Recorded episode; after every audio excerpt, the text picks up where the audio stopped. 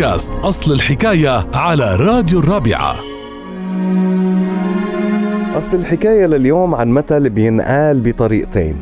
أو منسمع حدا عم بيقول يا خي على راسه ريشة.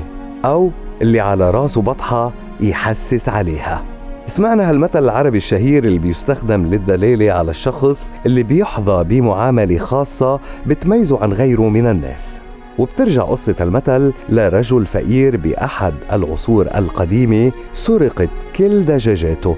الدجاجات اللي كان عم بيربيها من أجل بيعها والتربح منها والعيش من وراء مردودة وتكرر هالأمر أكثر من مرة لدرجة فاقت الحد. فذهب هالرجل الفقير لشيخ المسجد الموجود بقريته وشكاله من السرقة المستمرة لدجاجاته فأجابوا الشيخ بأنه رح يكتشف يوم الجمعة من هو السارق؟ وبالفعل يوم الجمعة اجتمع رجال القرية كلهم من أجل الصلاة. وبعد ما انقضت الصلاة طلب الشيخ من المصلين عدم مغادرة المسجد وقال هالرجل الفقير عم تنسرق دجاجاته بشكل مستمر وهيدا فعل قبيح ويجب على هذا الشخص اللي عم يسرق إنه يوقف هالفعل المشين. وأكمل الشيخ إنه اللص ما اكتفى بس بسرقة الدجاج. بل جرأ وإجا على صلاة الجمعة ولا زالت أثار الريش على رأسه فمسح اللص بسرعة على رأسه من بين جميع المصلين وانكشف أمره. وهالشي أكيد صار بسبب غبائه وذكاء الشيخ.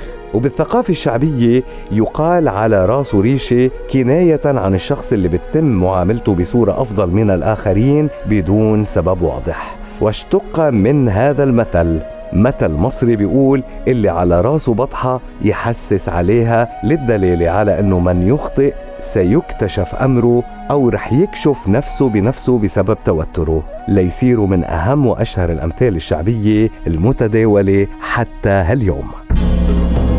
لتتعرفوا على مزيد من أصل حكايات الأمثال تابعونا على بودكاست الرابعة أصل الحكاية.